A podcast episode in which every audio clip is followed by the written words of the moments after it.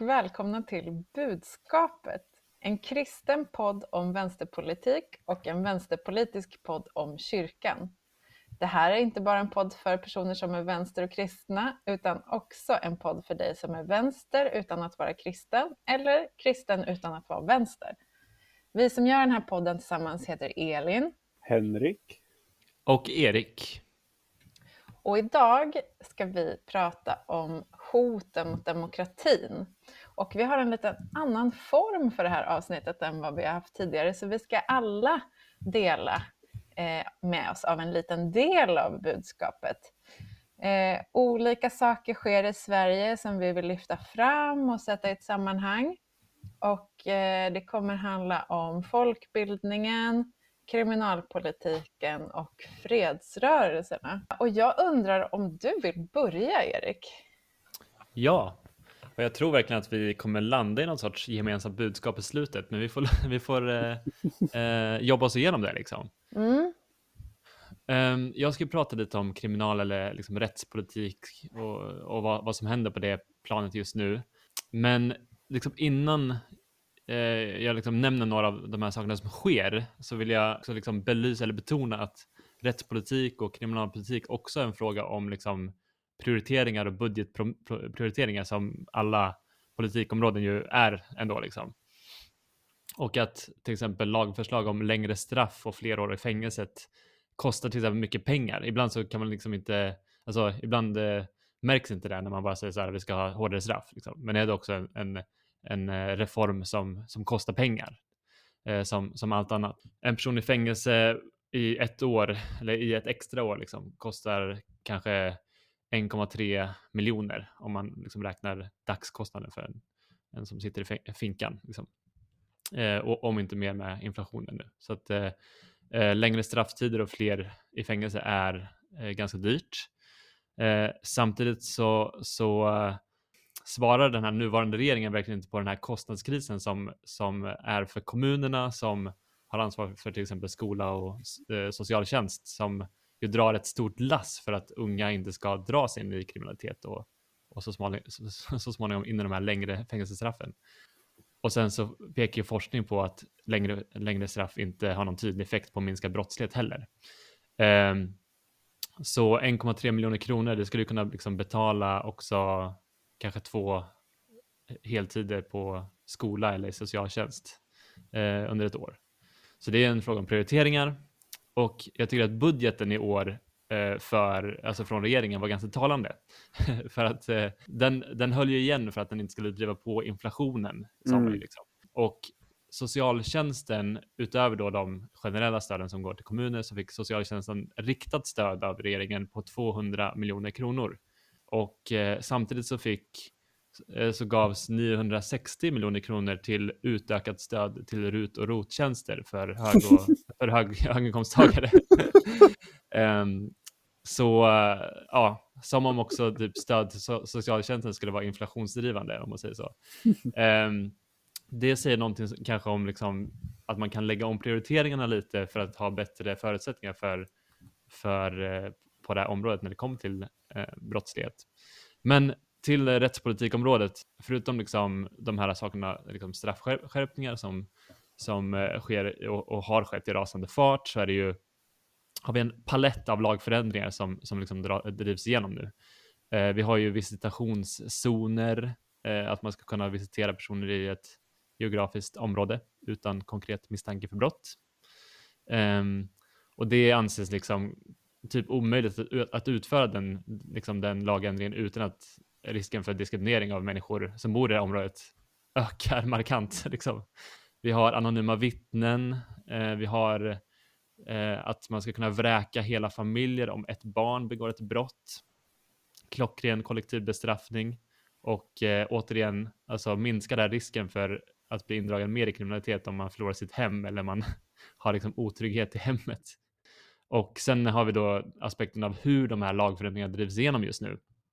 Att det är genom snabbutredningar, genom att alltså jättekorta remisstider um, och då minskar liksom den demokratiska delaktigheten och att och liksom debatten kring lagförslag och vad de innebär. Liksom.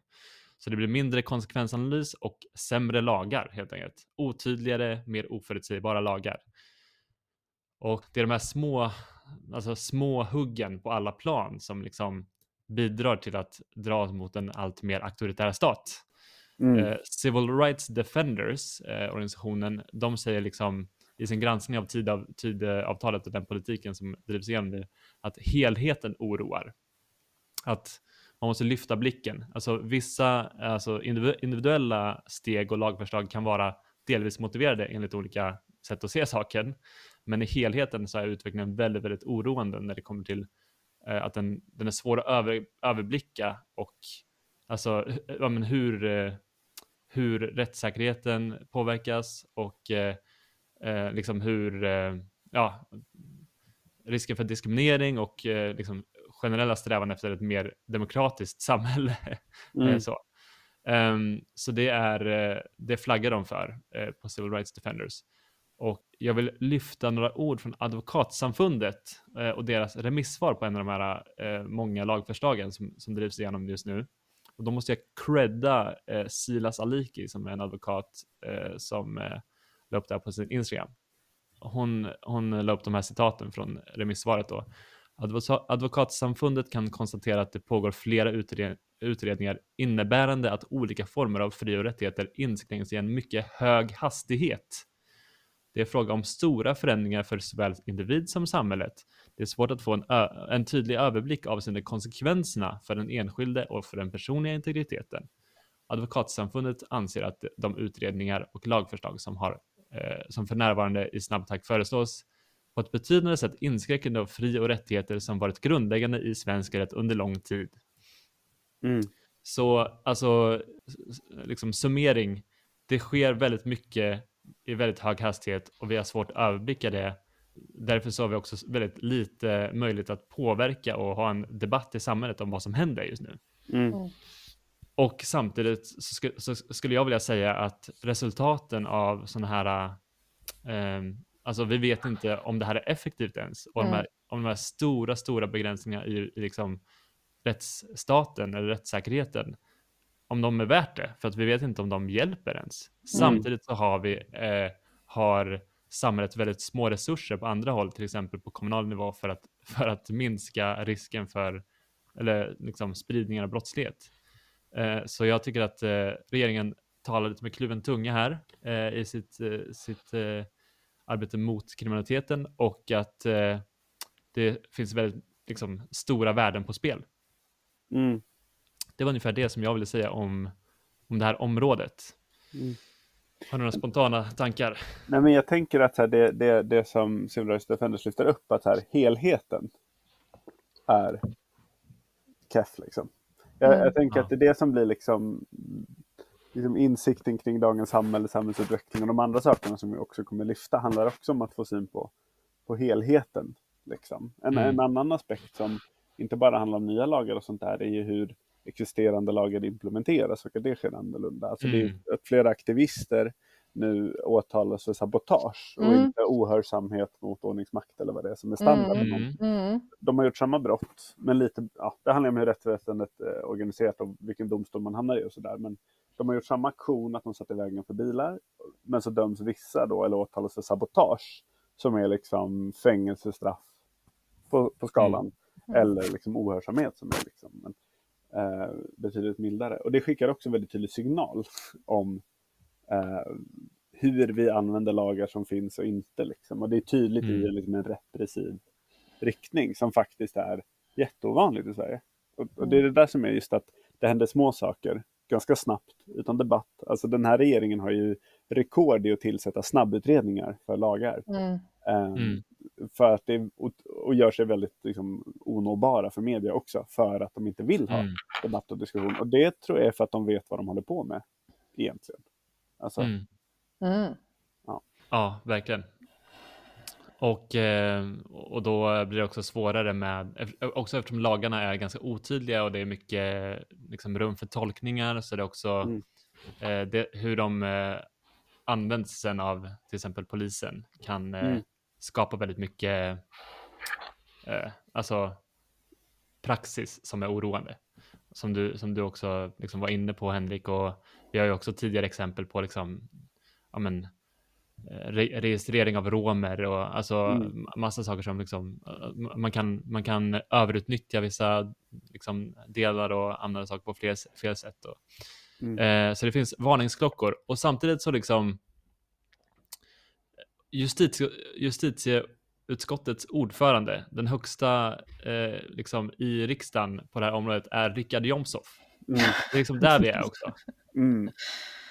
Som, som eh, spenderar otroligt mycket tid på att liksom angränsa till hets mot folkgrupp mot muslimer. Mm. Och eh, har också en historia av att säga ja, judarna är inget problem för att de är inte lika många som muslimerna. Om de var, Mm. om de var fler så hade de, hade de också varit ett problem. Mm.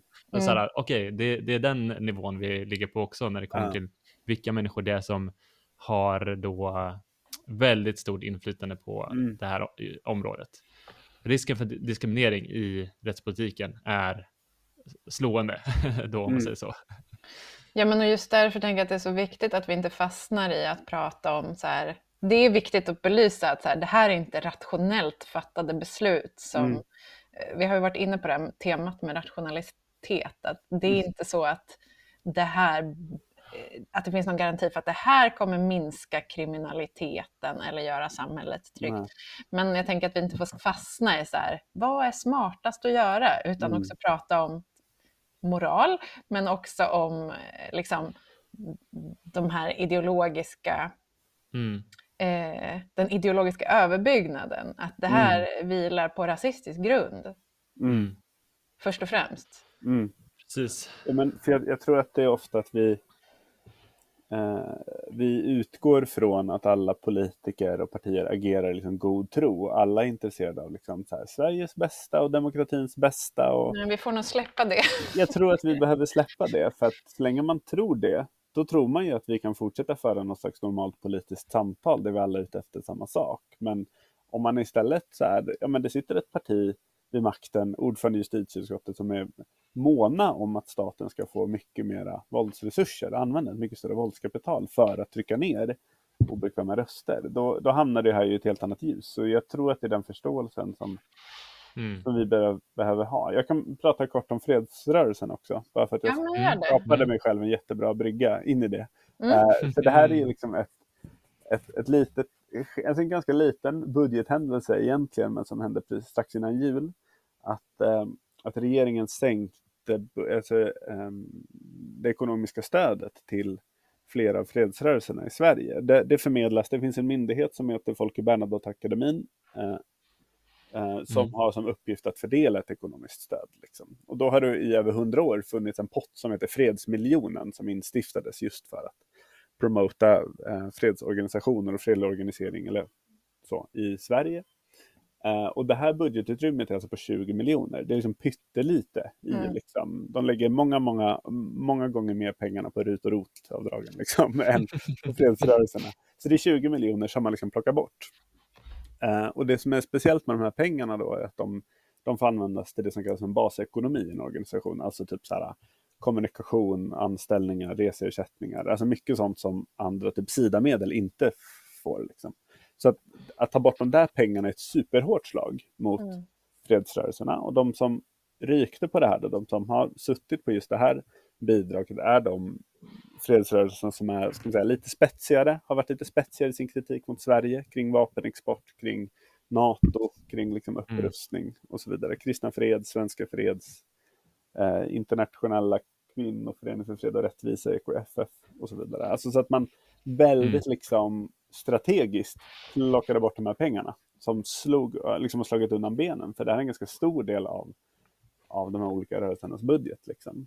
Eh, och då kan man antingen se det som, oj det var dumt att de inte tänkte på det. Eller så tänker man istället att det här är ju liksom en väldigt medveten strategi för att straffa obekväma röster och för att liksom förhindra eh, de här rösterna även i framtiden. Liksom. Inte bara att straffa NATO utan även i framtiden vill Mm. inte vi att det ska finnas människor som protesterar. Liksom.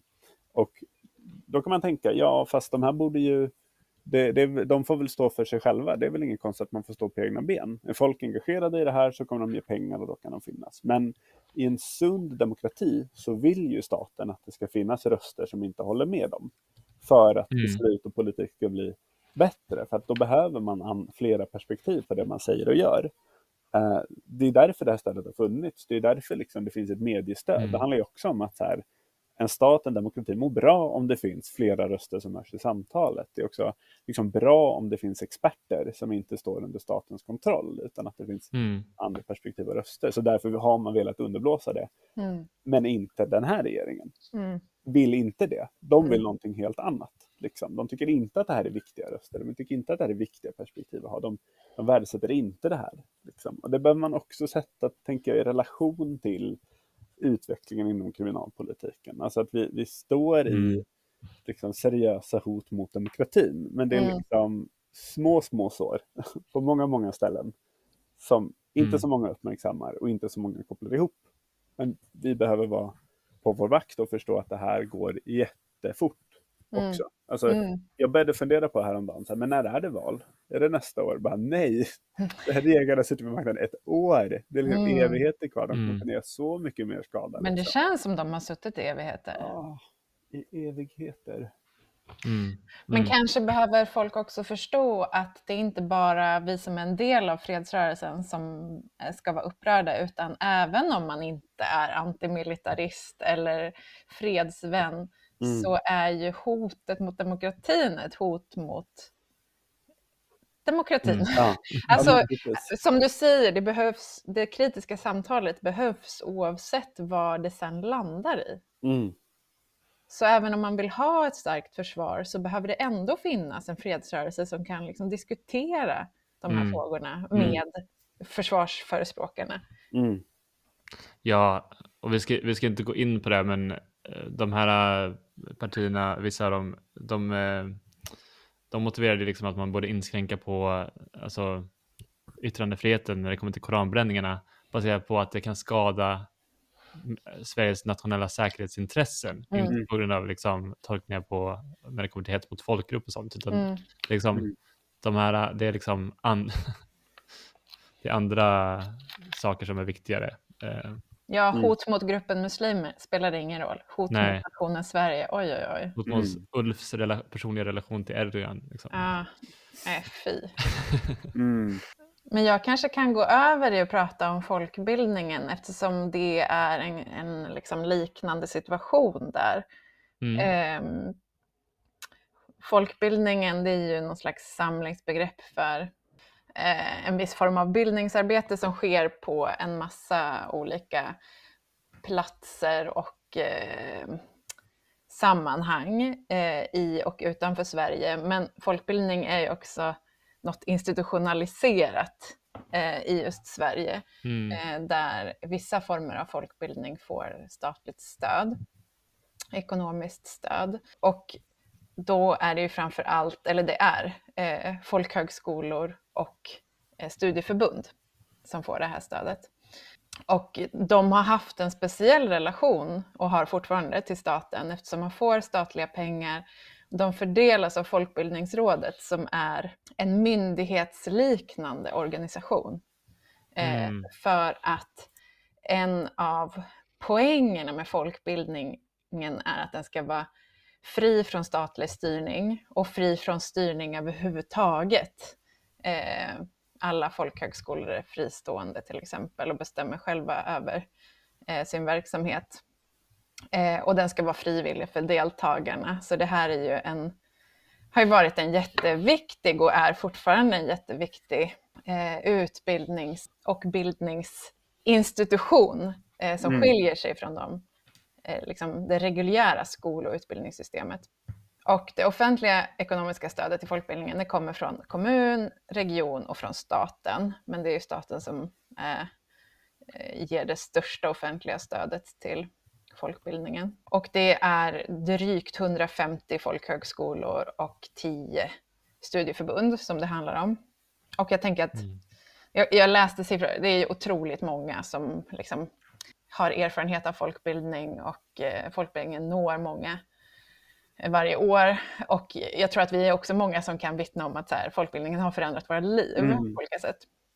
Eh, och det finns ju också en tradition i folkhögskolan att man också vänder sig till de mest marginaliserade i samhället och har en förmåga mm. att så här, eh, men, eh, ställa om sin verksamhet och rikta sig mm. till de som för tillfället är de mest utsatta i mm. samhället. Och det kan man ju tänka sig att nuvarande regeringen och SD inte tycker om. Mm. Eh, så alltså tidigare, eller syftet med statens stöd till folkbildningen, eh, det formuleras i fyra punkter. Och det är, första syftet är att stödja verksamhet som bidrar till att stärka och utveckla demokratin. Mm. Det har man mm. ansett att folkbildningen gör. Och sen också att bidra till att göra det möjligt för en ökad mångfald av människor att påverka sin livssituation och skapa engagemang att delta i samhällsutvecklingen. Så här handlar det mer om liksom den enskilda individens möjligheter. Eh, och bidra till att utjämna utbildningsklyftor och höja bildnings och utbildningsnivån i samhället. Mm. Eh, och också då att bredda, bidra till att bredda intresset för att, och öka delaktigheten i kulturlivet. Mm. Så man har ju ansett att folkbildningen har en jätteviktig mm. roll att spela i demokratin. Eh, men då, efter det senaste valet, då skar den nya regeringen med stöd av SD ner bidraget till folkhögskolorna med en halv miljard. Mm. Så jag läste att under första halvan av 2023, då tvingades folkhögskolorna säga upp eh, runt 200 lärartjänster mm. eh, runt om i landet. Och det kan man ju tänka sig, liksom, hur många deltagare som faller bort på 200 lärare.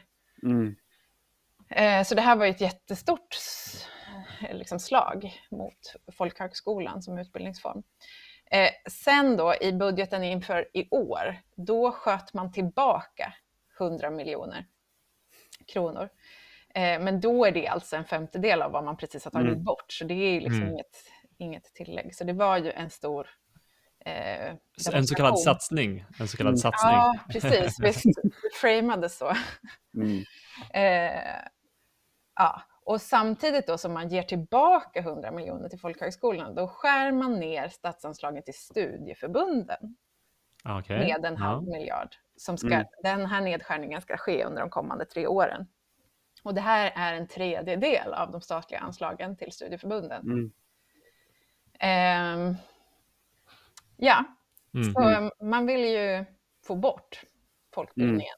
Mm. Eh, och SD har ju varit, eh, de har ju varit liksom uttryckligen, de säger inte att de är emot folkbildning, men de är emot att folkbildningen vänder sig eh, mot eh, mm. invandrare, att man eh, undervisar i svenska som andraspråk, att man sysslar med integration. Ehm, man ska inte heller syssla med, vad kallade de det? Eh, mångkulturalistiska verksamheter. Okay. Eh, alltså verksamheter som syftar till att bejaka och förstärka kulturella, religiösa och identitetsmässiga skillnader mellan Sveriges invånare baserat på deras etniska bakgrund. Mm. Eh, de skrev mm. också i en motion att de tycker att eh, för mycket av stödet till folkbildningen går till vänsterextrema grupper. Mm. Okay. Eh, så det finns liksom de har väl två huvudargument då, mot folkbildningen. Mm. Ja, men, ja.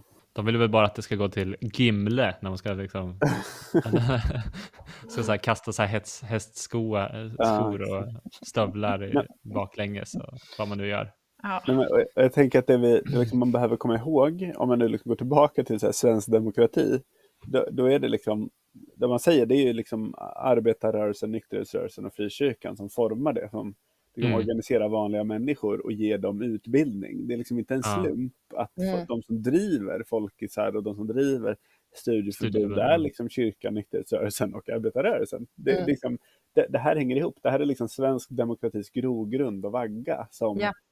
man, mm. Det är demokratin. bokstavligen. Ja, Ja, precis. Och det är liksom inte att man hotar den utan man faktiskt vill montera ner den. Det är, Mm. det man, det är liksom det man gör. Mm.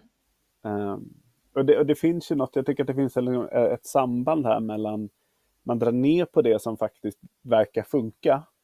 alltså eh, det som faktiskt skapar mer trygghet med demokrati, med säkerhet i samhället, ger människor en väg ut från eh, förtryck och fattigdom. Det tar man bort och sen så eh, skapar man mer repressiv kriminalpolitik, så man straffar dem hårdare. Alltså Mm. det är klart att så här, det, här, det är klart att det här hänger ihop liksom. För att hela liksom, den borgerliga retoriken och Sverigedemokraternas retorik går ju ut på att det går dåligt för Sverige. Folk är hotade, vi ska känna er rädda, Mm. rösta på oss, vi kan göra er trygga. Så de är inte heller så intresserade av att minska kriminalitet eller att minska liksom, utsatthet och förtryck. Nej. Eller att folk ska träffas i en studiecirkel eh, Nej, precis. över vissa gränser i samhället. Och baserat Mm. på något som de är intresserade av att bara träffa någon annan person som bara oj, du är ju inte så farlig. Nej. De skulle behöva tvingas gå på folkhögskola eller vara med i en studiecirkel. Det Mm. kanske skulle förändra deras liv. Möjligen. Ja, men det är så genomskinligt ju.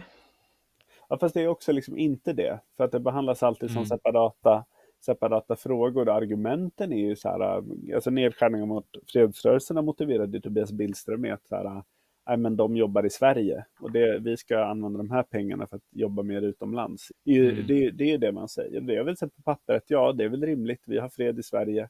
Varför skulle vi inte liksom? Men så Mm. gräver man, tänker ett varv till och förstår liksom.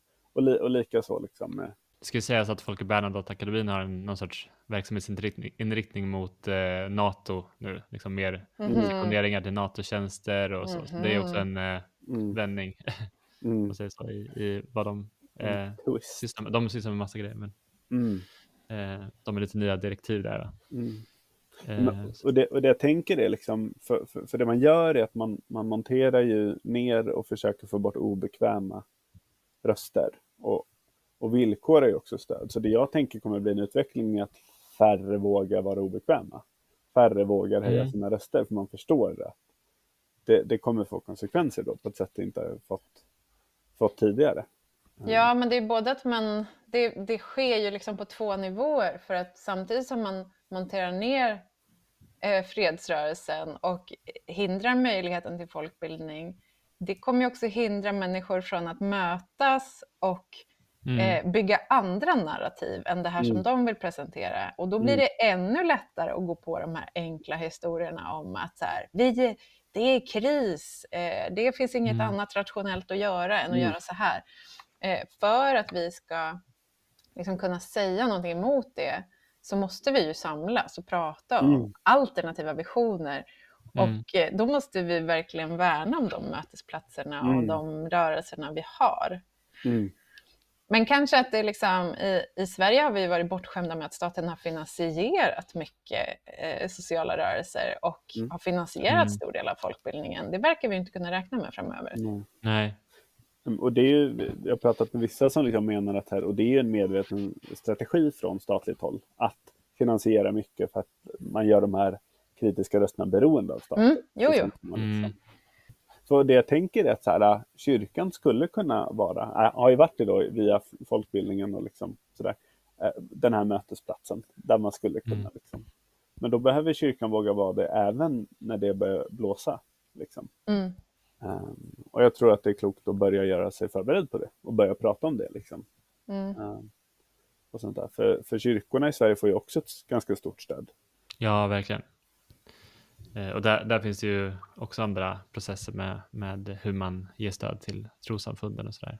Mm. Men eh, alltså, jag, jag känner också att jag bara landar nu igen i att hur fint det är med folkskolor och studieförbund. Ja, Alltså, jag, jag är Mm. personligen helt eh, liksom, eh, jag vet inte vad jag skulle vara idag om jag inte hade haft tillgång till Mm. folkhögskola till exempel. mm. Mm. samma här. Eh, 100 procent samma här.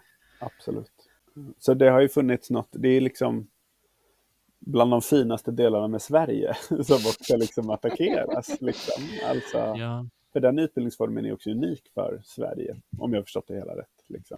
Ja. Ja, den kanske inte är så unik som svenskar vill få det till, men absolut, det är ju... vi är bäst. Ja, det är vårt Det- idag. Det är ju, vi kan väl säga att det är en viktig del av svensk demokrati i alla fall och att Mm. det har vuxit fram, som vi har sagt, i nära, liksom, nära relation till folkrörelserna.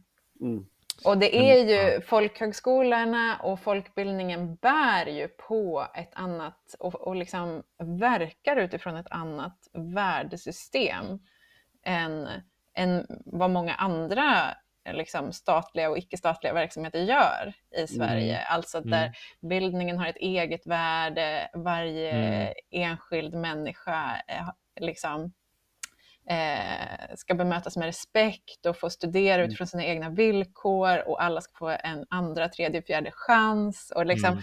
det, det, folkbildningen förkroppsligar ju också någonting som inte finns någon annanstans. Så det är ju också ett, ett utplånande av det utrymmet. Ja, Eh, och då har man färre utbildningsmöjligheter och eh, eh, ja, men det är så tokigt alltihop, för folkhögskolan fångar upp så många människor som, ja. Som Mm. inte har fått sina behov tillgodosedda i, i den vanliga skolan till exempel, men som får en chans att eh, läsa in gymnasiet eller eh, utbilda sig inom Mm. något yrke. Eh, hur kan man tycka att det är något dåligt Nej.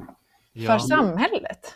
Men jag tänker att det, det kan hänga ihop med det vi pratade om i vårt förra avsnitt. Det här med att se militarism, kapitalism och så vidare som, som avgudar och att då folkisar, fredsrörelser står ju för ett annat narrativ. Mm. Mm. Ifrågasätter ju Mm. det. Mm, Och det blir ju som vi sa då oerhört hotfullt. Mm. Liksom.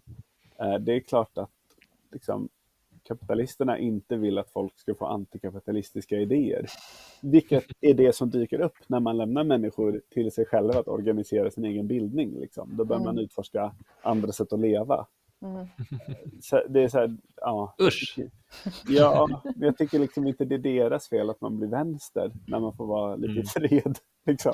Alltså, Nej men grejen är också att det som, alltså det som kallas vänster idag, det skulle ju bara ha kallats demokrati förr i tiden. mm, exakt.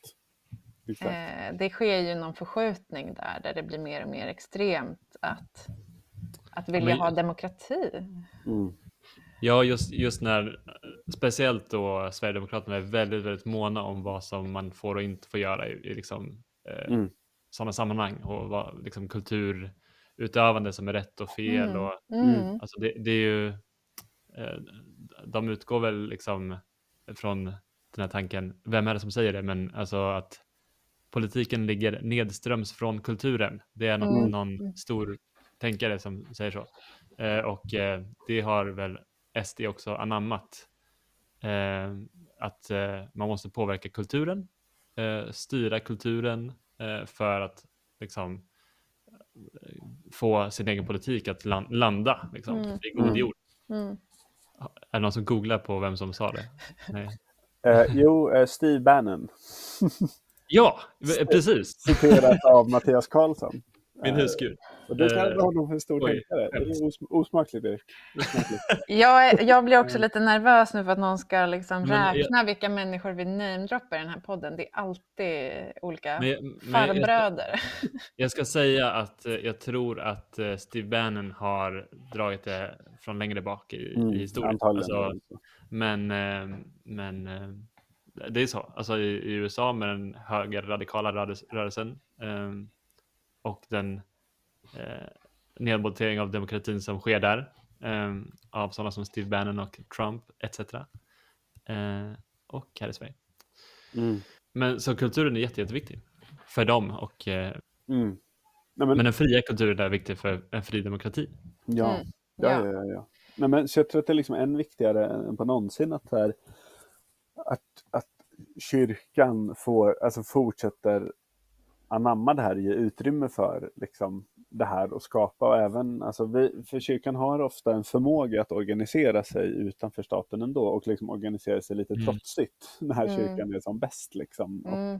jag tror att det är bra att vakna kring det och värna det och börja fundera över vart går våra röda linjer för när vi säger nej till bidrag och Mm. börjar acceptera liksom, vad, vad är det vi vad går vi med på, vad går vi inte med på? Och börja värna sig själva ännu mer som den typen av mötesplats och också liksom nyttjar inflytandet som kyrkan ändå har mot politiker. Liksom. För Mm. politiker vill gärna träffa kyrkan och kyrkliga väljare. Liksom.